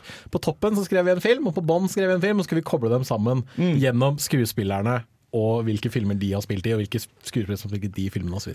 Hadde dere likt å, å, å, å bruke 15 minutter, 10 minutter på eh, å ha Oi, nå er PC-en min Never mind. Nei, nå fungerte den Ah, igjen. nå fungerte den igjen. Jeg tror liksom at eh, PC-en her tydeligvis, tydeligvis akkurat kapitulerer. Hvis du ikke hører oss lenger, så er dette en veldig merkelig selvrefererende bit av programmet. Kan vi nå begynne, jeg kan begynne å kjøre radioprogram til meg selv. Jeg hadde litt lyst til å kjøre quiz. En rask eh, sitatquiz. Okay. Fordi det hadde vi tenkt å kjøre på Radio Revolt. At overta samfunnet for halvannen uke siden, eller hvor lenge det enn var siden. Hvor lenge siden var det? To uker. Toge? I hvert fall. I hvert fall eh, det ble aldri noe av. Uh, nå hadde jeg tenkt å ta det nå. Men PC-en reagerer ikke. Hans, eh, Ja. du eh, har jo alltid nyheter. Altså, du har alltid nyheter. Altså, vi, vi skulle ikke Jeg ha skal nyheter i alltid klare å grave fram noen nyheter. Du er, du, du er filmkorrespondent inntil det innerste, så selvfølgelig har du nyheter. Senior news correspondent. Um, ja, nei, han har alltid klart å grave fram noe. Uh, Men in Black 4 er jo en film som kommer. Ja vel? Eh, og der skal det visst være en kvinnelig agent eh, for første gang. Eh, det så vi jo akkurat i slutten av Men in Black 1, når hun der regnprinsessen, reinprinsessen, eller hva hun var, eh, ble agent. Nei, nei, nei. nei, Nei, nei, nei. det Nei, var, det var hun, hun- det var hun, hun fra eh, likhuset. Yes. Sånn Reinprinsessen det. er fra Sånn toeren. Eh, men hun var forsvunnet innen film to eh, kom eh, om, omkring. Og Så det blir kult. Em, produsentene snakker òg om at de vil ha Will Smith tilbake, men det gjenstår å se. Eh, Hva med å bruke han derre Er det noen som vet, vet hva jeg skal si? nei. Nei. Ungen til Will Smith. Hva er det han heter? Jaden. Jaden Smith. Jeg synes, jeg synes, jeg synes, han, kan, han kan gjøre veldig bra en statue, eksempel, i Men in Black 2. Fire. Men in Black 4. De kan retroaktivt putte han inn i Men in Det kan Black-filmene. gjøre. Det kan de gjøre. Som flashbacks. Du så han duden de løp forbi som ikke rakk å bevege seg i klippet? Det var, det var Jaden Smith. Eh, Du så han duden som Det var Jaden Smith. Noen burde ringe meg og spørre meg når de har ting de skal, de skal gjøre. for fordi de har så gode Put ideer. Jaden Smith. Ja, ja, det, er, det, er, det er mitt svar til alt. Ja, du må fortsette med nyheter hans. Ja, jeg har kanskje en til hvis jeg forstår nyhetssaken, for dette er litt småkomplisert. Prøver du å si at du hadde ikke nyheter forberedt? Du, vår senior Nei, nyhetskorrespondent. Nei! nei. Uh, nå putter du ord i munnen på meg, Henrik. Um, det Har du pling? Nei, jeg har, jeg, har ikke, jeg, jeg har ikke PC. Du har PC, du har bare ikke mus. Jeg har verken mus, tastatur eller noen form for input-versjon på det som skjer på skjermen. Det skjer ingenting når jeg beveger okay. noe. Rart. Um, Det blir veldig spennende når vi skal spille en låt etterpå. Vi kommer antakeligvis ikke til å spille en låt etterpå. Hvis jeg skulle gjette. uh, det er jo en ny Star Wars-film på vei. Eh, det er ikke en nyhet. Det som derimot er en nyhet, eller i hvert fall noe som skjer i verden nå, er at i Frankrike så skaper den filmen litt problemer. Hvorfor det? Fordi um, Skal vi se Dette er litt rart. Um, I Frankrike så er det noe med at 30% av filmer som går på kino, uh, kan være filmer som ikke overhodet er Arthouse-film. Hæ? Og så er det et eller annet med at hvis en film er Arthouse, eller det de franske liksom, myndighetene klassifiserer som Arthouse, så vil de motta subsidier. Så franske myndigheter vil se Star Wars på forhånd for å finne ut om den kvalifiserer som Arthouse eller ikke. Sånn at de kan vise den på Arthouse-kinoer. Noe sånt. Er dette, en, er dette en lov de innførte sånn i tidlig sommer bare fordi de hadde lyst til å se Star Wars tidlig? Det er nettopp det, fordi Star Wars Star Wars er nemlig ikke så kine på å eh, sende for mye. De har sagt at de skal sende ut eh, 280 kopier av filmen til forskjellige Arthouse-kinosaler i Frankrike. Ja. Det er da åpenbart ikke nok. Eh, og da kommer en del folk som er med og uh, drar litt denne oh, dere skal kun jobbe for de store kinosalene og bry, Ja. bryr dere ikke om de små kinosalene. Så, så, så, så det blir pes, da. Er det som på en måte er greien. Er det en tekniker som kommer til å hjelpe oss? Hallo. Nice. For å være ganske så teknisk, Ja. så er alle andre Star Wars-filmer før Disney kjøpte opp, bortsett fra episode fire, er teknisk sett indie-filmer. Yep. Eh, Fordi at eh, George Lucas eh, beholdt en god del av rettighetene, og har kun eh, 20th Century Fox til å distribuere filmene, Ja, og ikke til å betale for dem. Alt er produsert av ham, og uavhengig av liksom det store Hollywood-maskineriet, som eh, som er litt sånn spennende ting å tenke på. Sånn ja, sånn, per definisjon så er Star Wars indie-filmer. Eh, men liksom inntjeningsmessig og alt mulig sånne ting, og ikke markeds, kanskje ikke markedsføringsmessig, og uh, hvor mye de har uh, hora seg ut til diverse lekefirmaer og sånne ting, så er de absolutt ikke det i det hele tatt. Det er jo gøy da at du kan si Nei, jeg liker indie-film, da. Hvis det er Star Wars, du. Er slags indie-film liker du? Det er Star Wars. Jo, nå skal du høre.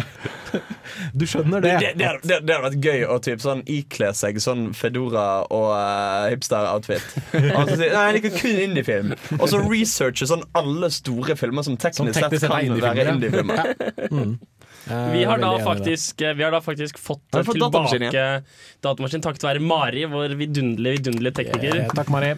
Alltid klar, alltid klar, alltid til stede. Så en, en stor takk går ut til henne. Mm. Er dere ferdige med samtalen? deres? Skal, skal vi prøve å kjøre sånn quizshow-ting? Eller skal vi gjøre en låt først? Eller hva, hva Jeg synes du kan kjøre en låt, og så kan vi ha quiz. Hvilken låt da? Hva med The Pixel? Å ja, den der eh, I Have The Right To Go To Syden. Stemmer Det den en kul låt. Ja, den. Samkjørte her på Filmo, uh, Filmoman. I've been around the world, seen and done it all. Velkommen tilbake til uh, Jazzofil. Det var altså en svært jazzade Pixel som spilte av The Right To Go To Syden. Veldig stor forskjell på hva jeg ville trodd den låta hørtes ut som, og hva den faktisk hørtes ut som.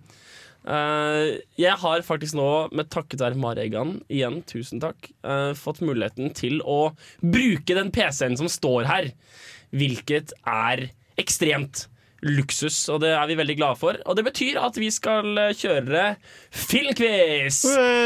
Impro-filmquiz-jingle. Bom.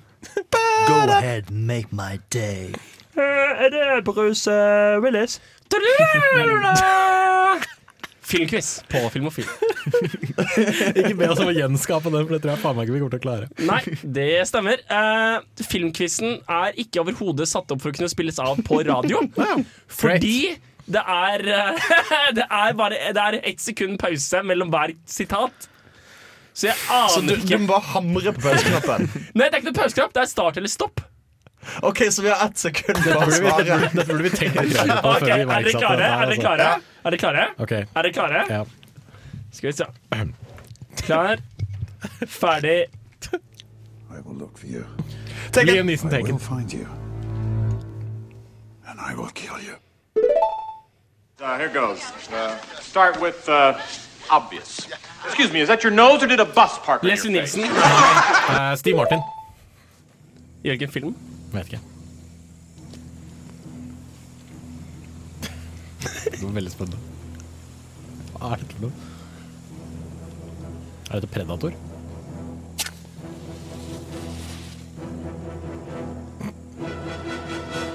Det føles veldig kjent ut.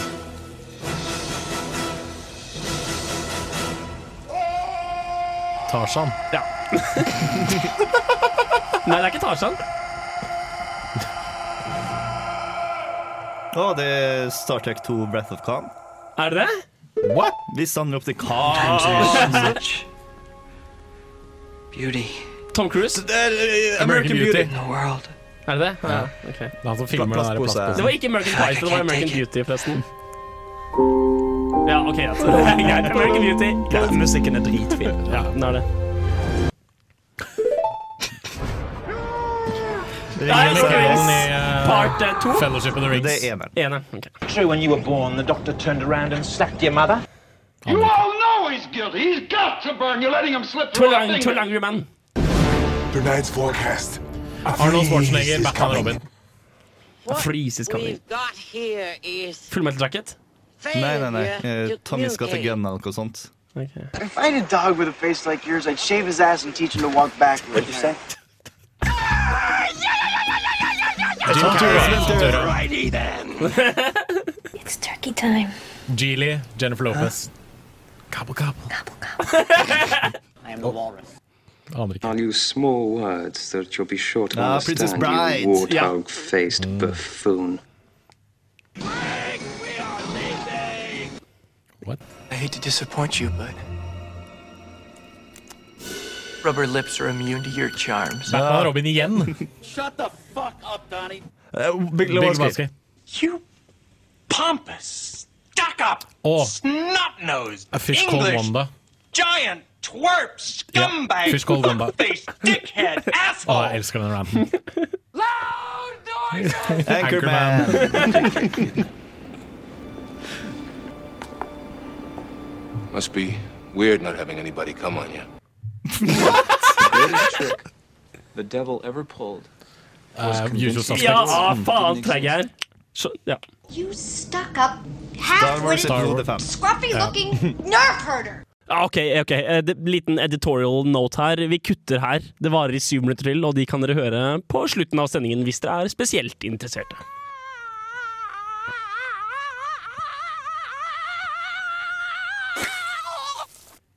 Shrek, kanskje? Star Wars episode fem. Ja, og det var eh, dagens eh, quiz. Jeg tror jeg vant, jeg. Så douchey. Jeg bare Altså, jeg antar at jeg mistenker vant.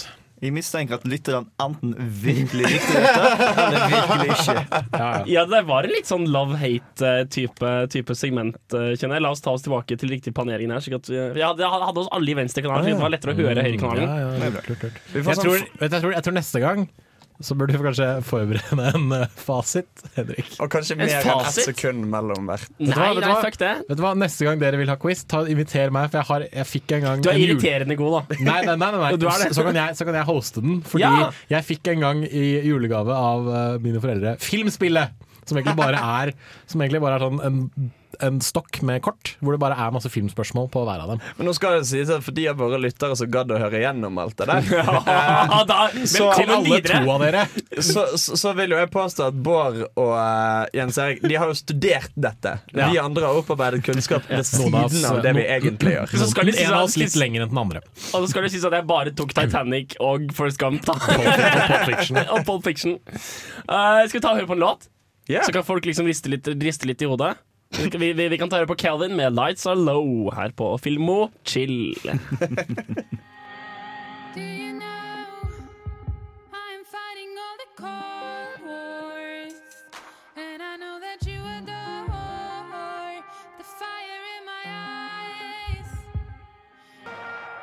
Velkommen tilbake, og for de av dere som hørte gjennom sitat-quizen, velkommen til level 2!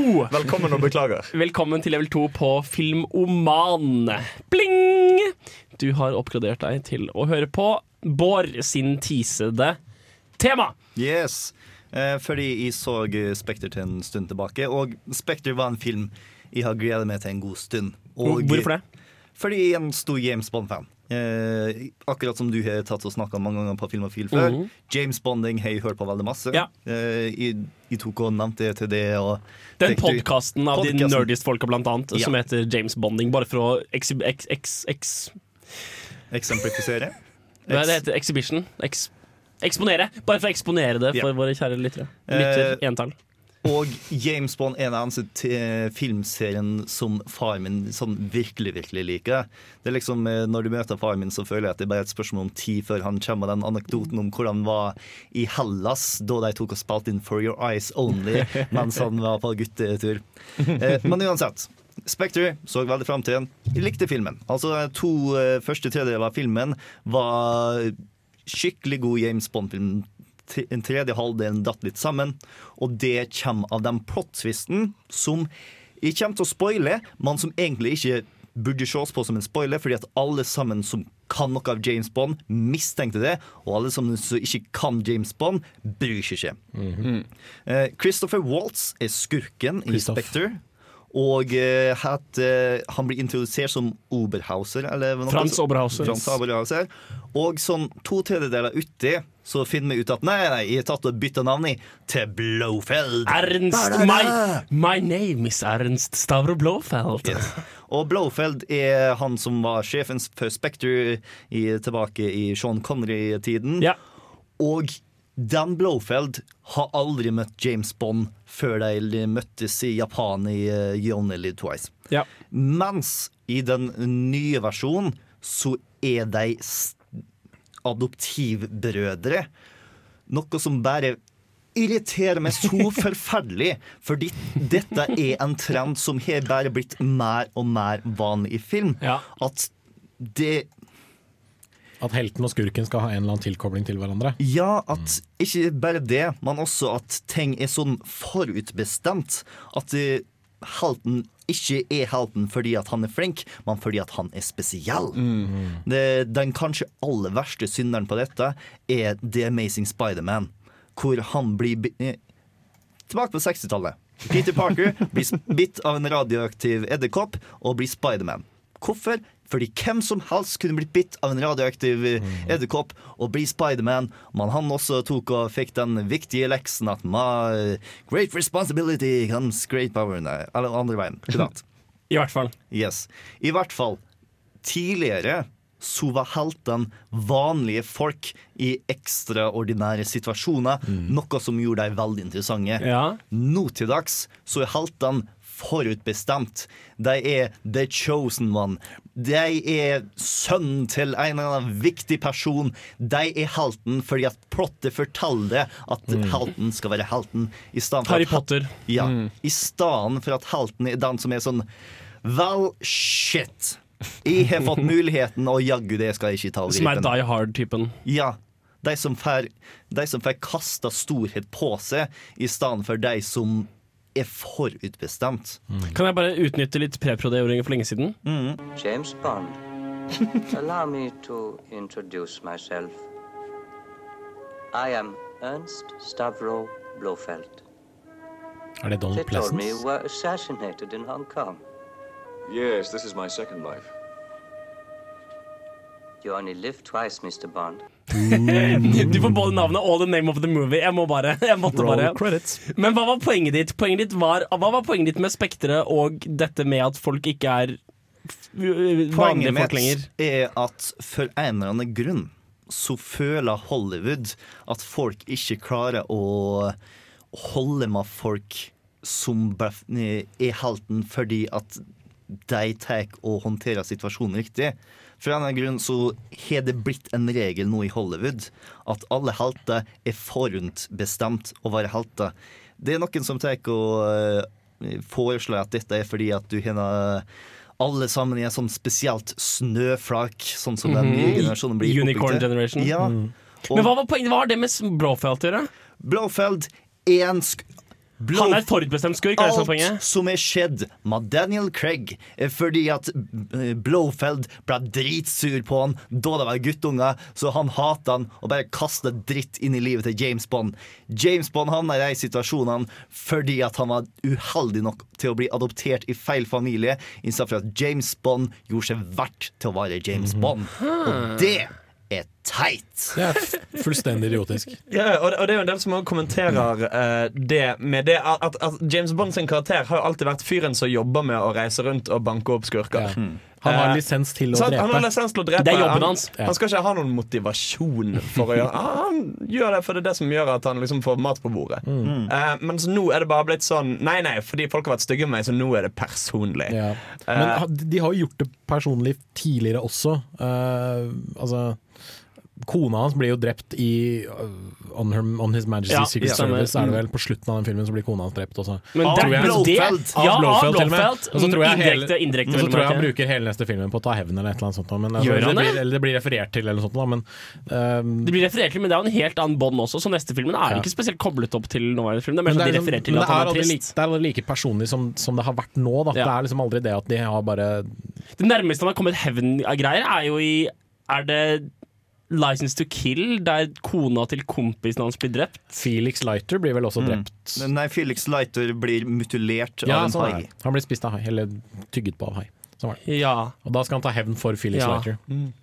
Al altså, er det, det også en annen trend i Hollywood? Dette med at du tar tilbake gamle, kjente skurkenavn kun for navnenes del. Al altså for da, eksempel apropos Khan. Ja, apropos Khan, Ja, sant? Som er den teiteste twisten Ja. noensinne. Jo, men det er veldig sammenlignbart med Blowfelt Ja, det Reveal. er, nøyaktig, men det er nøyaktig det samme som har skjedd. Det at liksom, Nå skal de reintrodusere en ikonisk skurk til en reboot av en velkjent serie.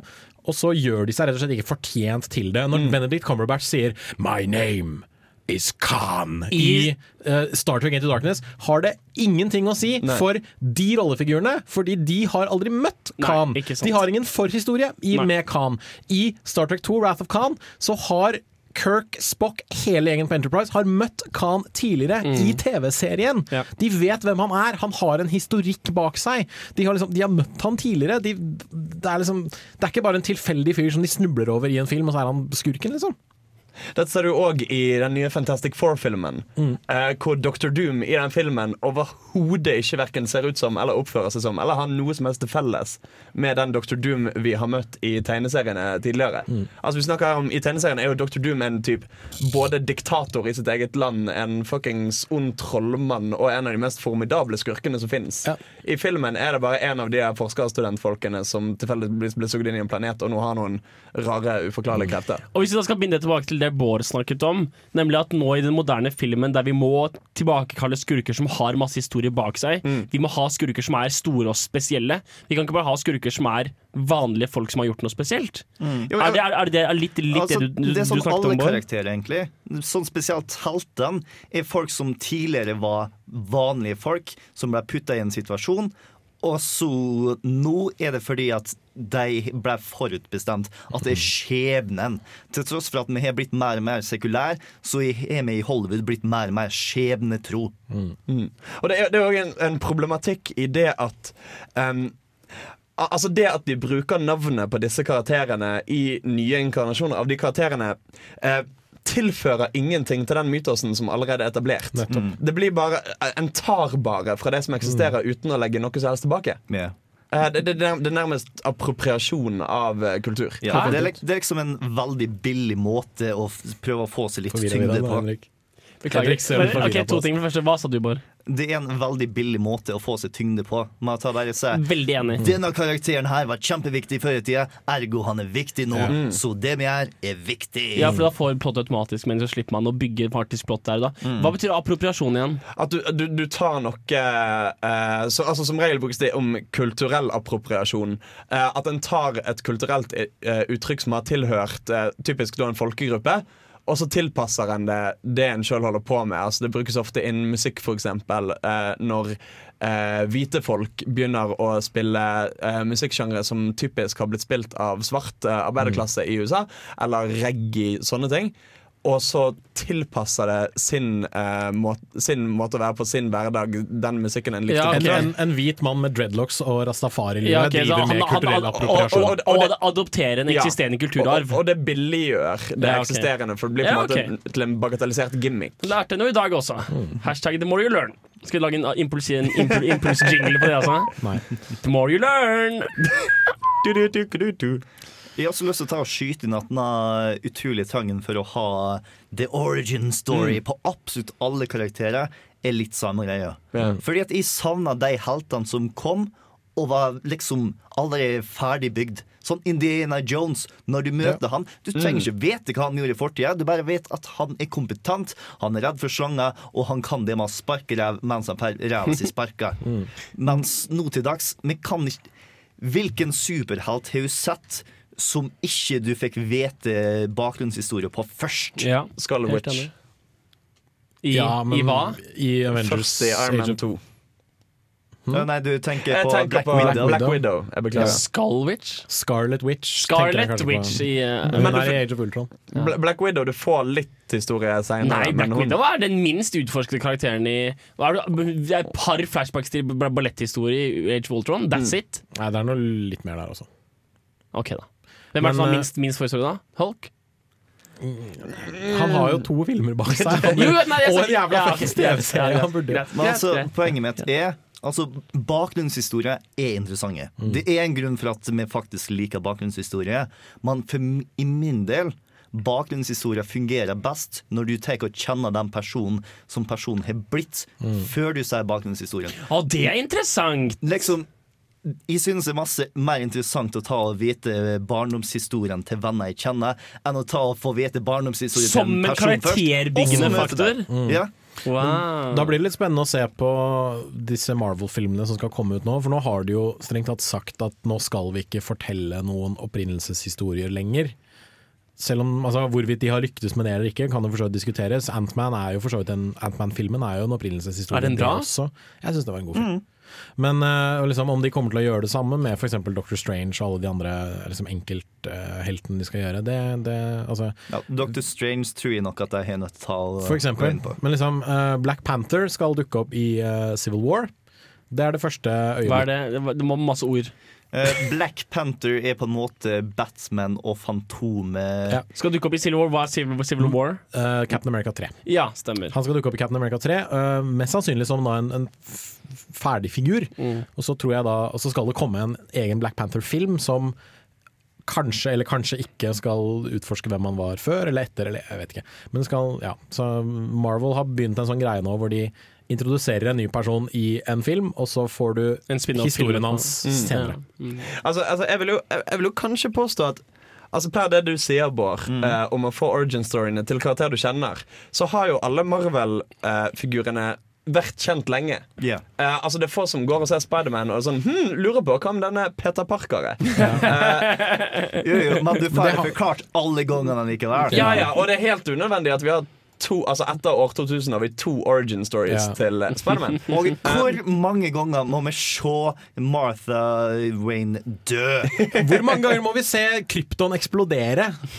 Altså Supermann, for de Altså, som ikke skjønte det. er det jo heller ikke alltid helt bra når vi går tilbake til etablerte karakterer og gir de deres origin story. Altså uh, X-Men Origins Wolverine, for eksempel. Var jo en etablert er karakter i filmuniverset Ja, som altså- ga en origin, origin story. Altså, til tross for å være en helt ræva film, det var en litt mer fortjent bakgrunnshistoriefilm. bakgrunnshistoriefilm. Fordi at der så har jo allerede tre filmer med Wolverine. Og i min mening, den Marvel-filmen, eller Marvel-IP-en, som har blitt best behandla når det kommer til bakgrunnshistorie, er kanskje Daredevil. Yeah. Hvor eh, mens du ser han eh, ta og jobbe som voksen, så ser du også av og til flashbacks til da han var barn. Det fungerer i min mening veldig masse bedre Definitivt. enn å ta og se alt sammen i kronologisk rekkefølge. Fordi at du eh, ser hvordan han oppfører seg som voksen, og så er det sånn OK. Men når han var barn, så var faren hans sånn og sånn og sånn, og det er hvorfor han er sånn og sånn nå. Det liker jeg veldig godt som et, eh, som et, som et argument. Da, jeg, for jeg, jeg måtte finne fram en låt her som passer perfekt til din, eh, til din veldig sånn pensjon- pensjonistaktige klage på hvordan verden har blitt. Faktisk, det passer veldig veldig godt at du har plukka ut akkurat den låta, for det er åpningssporet i en superheltfilm. The Watchman, Ja. eller bare Watchmen. Watchmen, som også begynner liksom midt i handlingen, og så sakte, men sikkert får vi liksom bakgrunnshistorien til, til de respektive rollefigurene etter hvert. da Hæ? Skal jeg introdusere låta? Du er så smooth! du sitter jo bare her og gestikulerer. Ja ja, fordi vi er på radio! Hvor lenge har du vært med radio, Jens? Fire år? Eh, lenge nok til å vite at sånne ting pleier man å avtale på forhånd. Hva snakk? Okay. det er fem, fem og et halvt, skal jeg si det. Prøv igjen. Bob Dylan, 'The Times They Are Changing'. Come gather round, people, wherever you roam.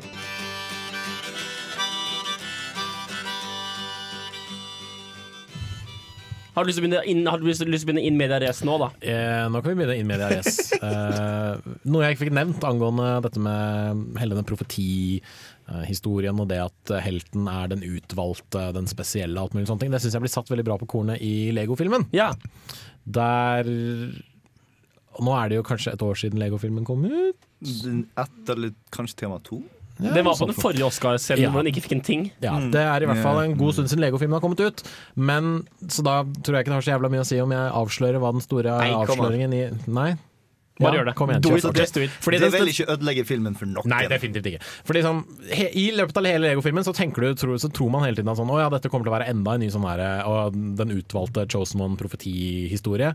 Og så på et tidspunkt i filmen så ofrer helten seg, og så faller han ut av Lego-verden som hele filmen har foregått i, og inn i den virkelige verden. Og så viser det seg at alt har egentlig bare vært en lek som foregår i uh, hodet til en sånn 10-11-12-åring eller noe sånt. Eh, og Da gir det veldig mye mening at selvfølgelig konstruerer han en sånn historie, fordi det er, liksom, det er den type filmer han ser. Ja. Og hele den leken han holder på med, handler jo egentlig om at han bare vil at uh, faren hans skal slutte å være så jævla kjip med Legoen. Ja. og slutte å liksom, At alt skal være riktig, og alt skal være ja, limfast. og- Nettopp, og alt skal være linfast, alt skal være rigid og sånne ting. Liksom, Og bare liksom la fantasien slippe løs og sånne ting. Og det, det syns jeg er en veldig fin sånn, fin sånn vridning da, på den, der, den utvalgte Chosen One special-greia.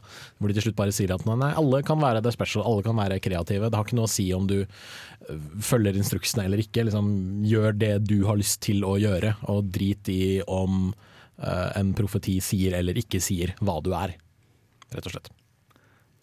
For min del så har så Harry Potter vært litt mer interessant dersom eh, eh, hun, JK Rowling gikk for den fantheorien som eh, går rundt, som er at eh, Nilus Langballe er den egentlig utvalgte. Om at eh, Harry Potter bare blir mer som eh, en levende Han er en distraksjon. Ja, for den virkelig utvalgte. Altså, det, den, Jeg, Nå driver Henrik og reiser seg. Jeg nå gå rundt og fikse mikrofonen til Bård. den, den teorien bekreftes jo i Harry Potter-universet. Det er bok seks eller bok sju. Ja. Eh, men det som sies der, er jo at Voldemort valgte Harry fordi at han tolket profetien til å bety Harry. Ja. Og en del av profetien var at eh, liksom skurken kom til å utpeke sin nemesis. Ja. Så Sånn! Er stemmen min behagelig nok nå for deg, Henrik? Ja, og så ser jeg deg. Det er så mye, mye, alt er så mye bedre nå. Livet er så mye bedre. Ok, så det, det, det, du sa at Voldemort valgte Harry Potter fordi det var sånn han tolket prof- profetien. Ja. Men det var jo også Harry som gjorde at han, at han ble til eh, At han døde første gangen. Så det er jo ikke tilfeldig, liksom. Voldemort Det var Var det eh. Eller mener du at, eller mener du at Voldemort valgte vant dette Harrys mor ofret seg Ja. selv for sønnen sin, Ja, Ja. så det er som førte til at Voldemort døde. At den trylleformelen Så Harry er ikke akkurat en tilfeldig forbipasserende, liksom. Med Nei, mindre, med mindre du mente at Voldemort han, valgte nei, Harry nei, det? han er utpekt både av profetien, men òg av det at Voldemort tolket dette som at det Ja. var Harry som var Uh, den utvalgte. Oh, ja, du Når- mener når det- før han i det hele tatt møtte ungen? Ja, ok. fordi per profetien kunne det òg vært Nilus. Ja, uh, men profetien, er den gitt før foreldrene har i dør og alt det greiene der? Ja. ja. Ja, ok, det er ja, greit. Men det er så mye tull med de her JK Rowling-greiene. Hun driver og sier så masse dritt etterpå. Ja, Det, Det, det sånn, gjør jo skapere Å ja, la ikke dere merke til at Harry, slangen Harry slapp ut i første filmen?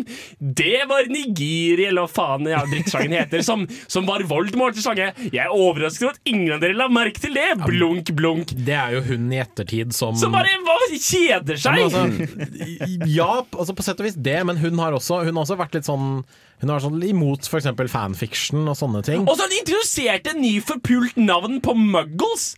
Nomad. Altså, det er Hva er det for noe?! Kan jeg, kan jeg få komme poenget mitt? Kan jeg få komme poenget mitt? Altså, gompa.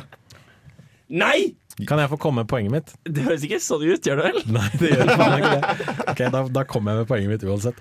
Uh, hun har vært veldig imot uh, fanfiction og fantolkninger av hennes eget verk. Så det jeg tror rett og slett dette her er, er at hun tar kontroll over det hun anser som fortsatt sin egen greie, sin, hennes egen historie. Uh, og fordi jeg tror ikke hun vil at noen andre enn henne skal liksom ha kraft over hva som er riktig og hva som er galt med liksom hele dette universet hennes. På den annen side, hvis du går tilbake og leser disse bøkene, så innser du at veldig lite av dette her er planlagt før sånn bok fem. Da begynner hun å skjønne at «Oi, ok, kanskje jeg må liksom snøre alt dette her sammen på et eller annet Ja, for du har ingen erfaring å skrive. Nei, eh, nei. Nei, altså, øh, øh, jeg jeg syns at mange av de tingene JK Rowling har kommet med i ettertid, antyder at hun ikke er så flink på dette med å bygge universer. Godt mulig. Eh, for det er, det er så mye sånn Ja, den karakteren som du har møtt, giftet seg med den karakteren og kalte opp ungene sine etter den karakteren. Mm. Altså, Hun knytter alt så mye sammen at universet virker knøttlite. Ja. Eh, Ja, det er Og- for meg det et er poeng. det jo. Det er, det er veldig lite. Og det er det jo. Hun har, hun har liksom sagt det sånn, nei, det er magiskoler i andre land og sånt men du hører kun om denne, og du hører kun om denne fordi det er kun den verdenen Altså det er kun den verdenen disse folka kjenner til, Mm. og så videre og så videre. Og så videre. Men av liksom fantasyforfattere så er det jo veldig tydelig at hun ikke nøyaktig vet hva hun driver med. Nei. Sånn sammenlignet med kanskje et par andre folk som hadde en stor verden sånn til å begynne med. Hun hadde en rollefigur, og så skrev hun en bok. Det ble en kjempestor suksess. Og så OK, nå må jeg skrive mer. Altså, Og så gjorde hun det. JK Rowling er mer eller mindre George Lucas som ennå ikke har laga prequels. Og det, det kommer jo. Altså, Ja, for det kommer jo. Det er eh, Wonderful, Wondrous Creatures and Where to Find Them, eller hva faen det Noe sånt. Med altså, så masse andre Fantastic Beasts and Where to Find Ja, og hvem Med Eddie bryr seg? Redmayne i hovedrollen. Åh, gud. Jeg litt- Ti millioner kids bryr seg, Ja. eh, Henrik. Men Altså, helt ærlig, jeg, ja, jeg er fan av Harry Potter. Har du dere lest bøkene? Ja, jeg har lest alle bøkene. Jeg Jeg mener- leste den vent, slaviske. vent, vent.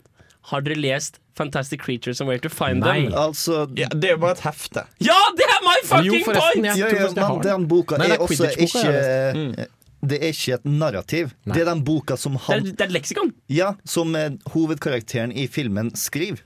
Men altså, filmen skal jo handle om fyren som skriver boken. Ja, hvordan boka ble til. wait, repeat. Skulle, skulle, hans, hans ystebrødknapp der noen gjentar noe i ørekanalen med en bergensk dialekt. Men jeg har lyst til å gå litt tilbake på noe eh, Henrik klagde på litt tidligere, nemlig Nomad. Og det gir i min mening veldig masse mening. Fordi at eh, det er det amerikanske kallenavnet for mennesker uten magiske evner. Jeg vet, I know what it is. Yes. Det er godt mulig at folk som hører Kanskje vi på har én lytter som fortsatt sitter igjen og lurer på Oi, jeg lurer på hvor den diskusjonen går. sitatquizen, Oh, ja, det stemmer. han det, er, burde få det, er folk som, det er folk som hører på deg. Eller hun. Eller hun. Jeg sa folk! Ja. Jeg sa folk som hører på deg. Jeg sa han, så jeg retter på meg selv. Men uansett, det gjør at verden føles masse mer levende, fordi at Amerika og Storbritannia har veldig forskjellig slang. Akkurat som om i, i norske oversettelsen så har du en hel haug med oversatte ord.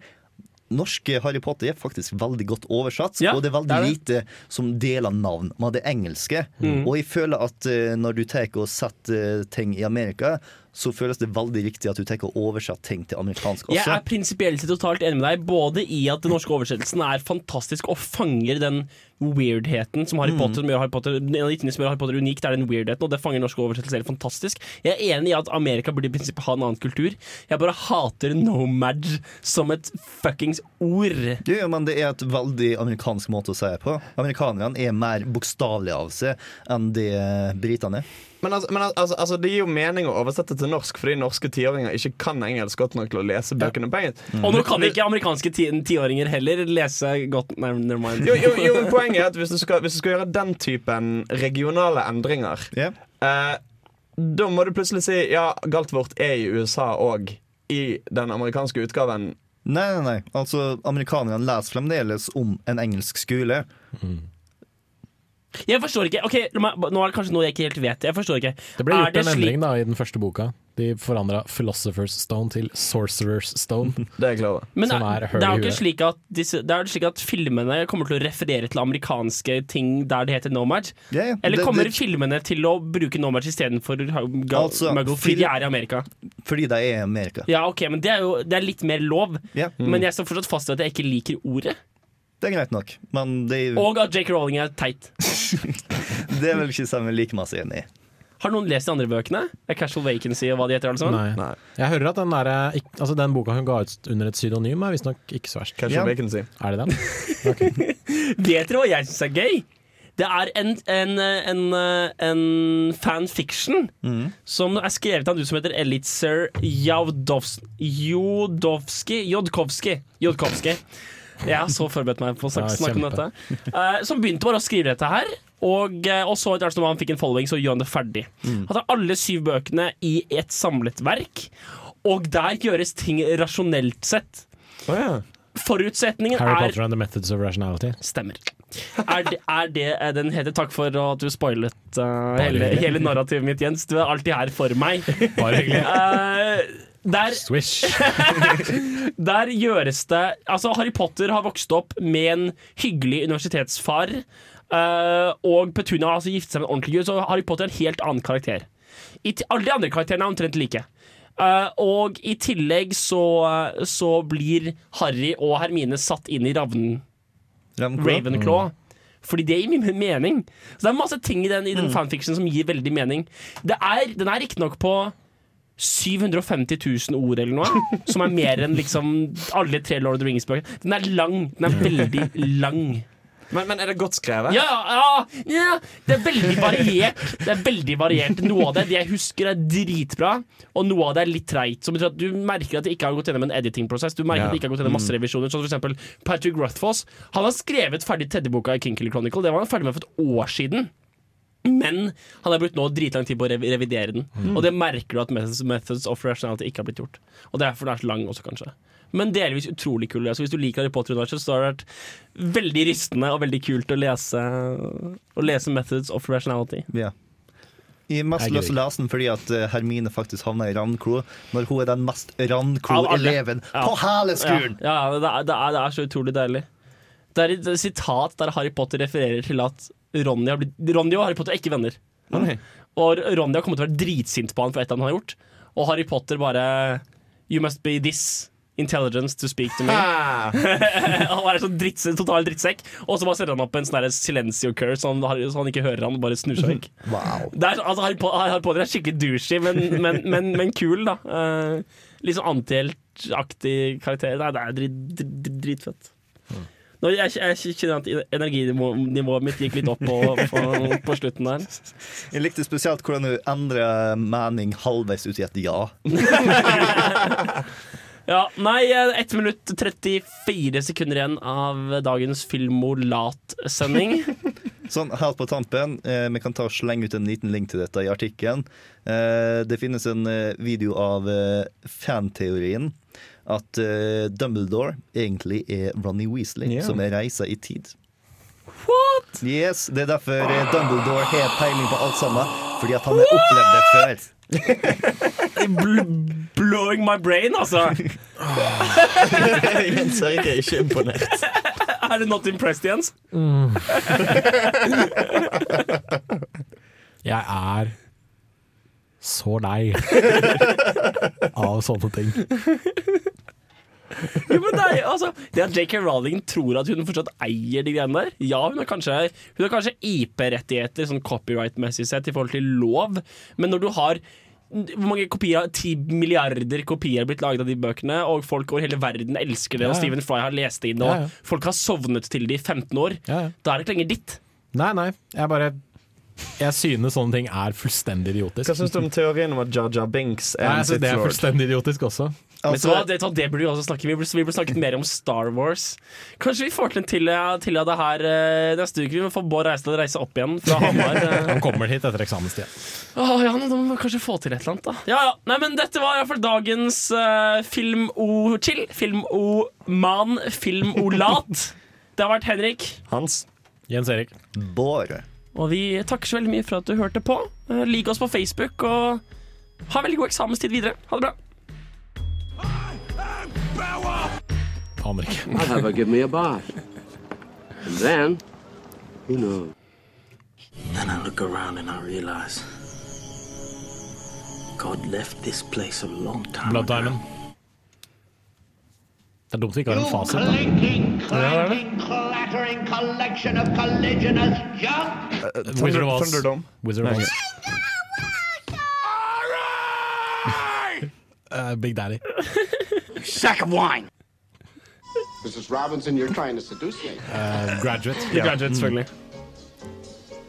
Aren't you? You shit kicking, stinky horseman horse smelling motherfucker, you! Noe med Joe Pesci. I don't like sand. Star Wars episode 2. Floors. Rough and irritating. Er det her bra radio? And Jeg aner ikke. Nei. Was it over when the Germans bombed Pearl Harbor? Animal House. Hell no! Ja, stemmer. You dirt-eating piece of slime! You, You scum-sucking. scum-sucking Det er pig! Three Amigos. You son, of a motherless goat. There was a firefight! You just have a brain fart. Begging your pardon, sir? Du, Det er I Demi, resent Demi, it Demi when people fought inside my office. G.I. Jane? Nei, mye eldre. Just been revoked. Aner ikke. How art thou? Thou globby bottle of cheap, Uh, stinking Clockwork chippo! Orange. You eunuch jelly, thou! Braveheart! Yes! Ett poeng til meg. Jeg teller noen poeng. forresten. Nei. Hvorfor skulle du gjøre det? Jeg vet ikke. Jenny, I'm sorry. Forrest Gump. Ja, Forrest Gump, ja. Love means never having to say you're sorry. Nei. Det er ikke Forrest Gump. Open the pod bay doors, Hal. Uh, 2001. Ja, Space I'm sorry, Odyssey. Fortsatt afraid 2001.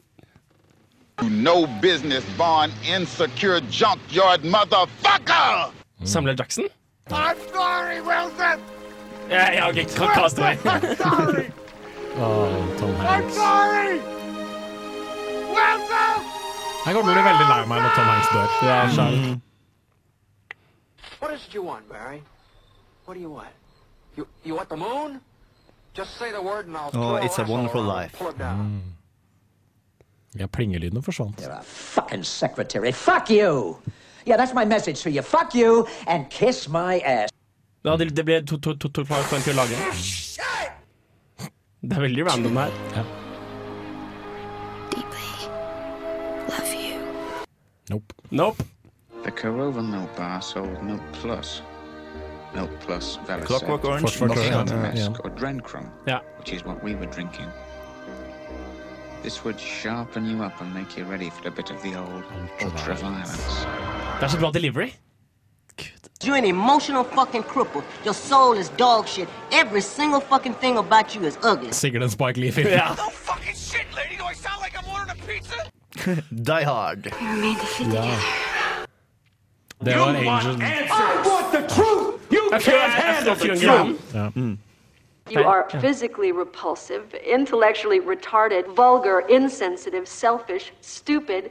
You have no taste, a lousy sense of humor, Dette and you jeg. smell. Jeg husker det ikke bare. Let the blood rain from the sky! Det hørtes ut som noe fra Your white caveman Pirates of the chiseled on Because it is my name! I don't like your jerk off name.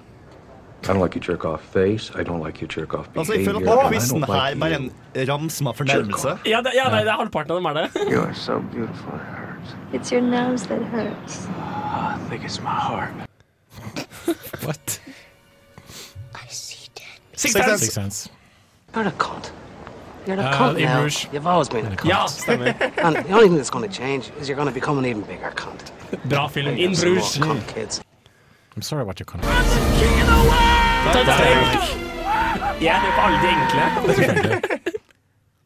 Ja, og It's not your fault. Ja! Det er Hunting! Faen! It's not your fault. It's not your fault.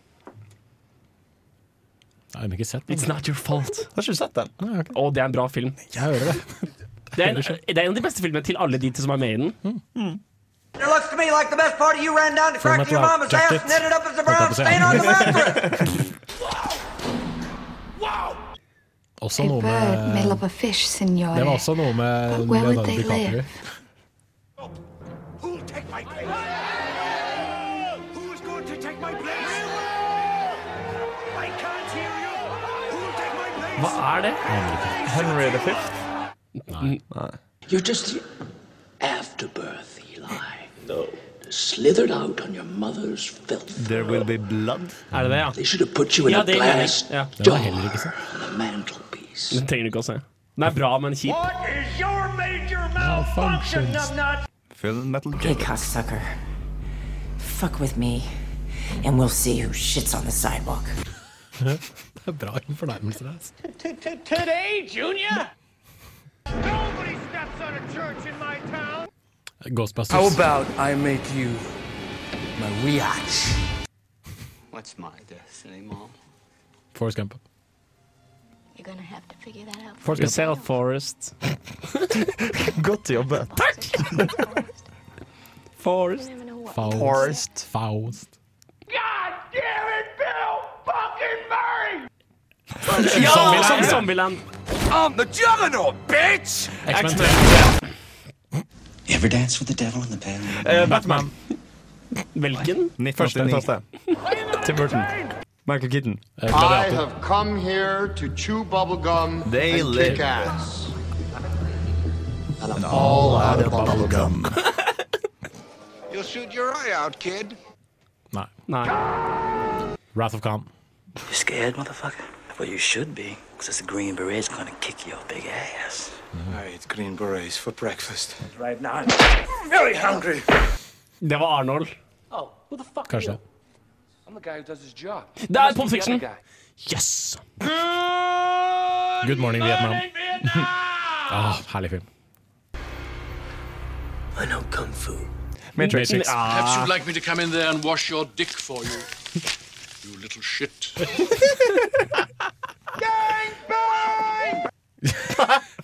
I know Taekwondo.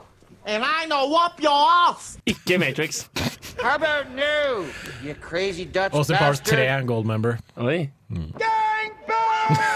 Gangbang igjen. In 30 seconds, you'll be dead. Then I'll blow this place up and be home in time for cornflakes. What the fuck? You like scary movies? Uh-huh. Scream. Scream. What's your favorite scary movie? Ja. Hulk. Men hva sa Hvem av dem? Eneren. The price is wrong. Det finnes flere enere. Uh, Billy Madden Nei, uh. Happy Gilmore. Indiana Jones and the Raiders of the Lost Ark. Oh, you're die, you motherfucker! You're gonna die! Aner ikke. Det var kjent. Judge, Judge Dredd. Red. Den første. I ain't so. Bra sitat. I love kung fu! Kung Fu Panda. Også en veldig bra film. Ha veldig god eksamenstid videre. Ha det bra.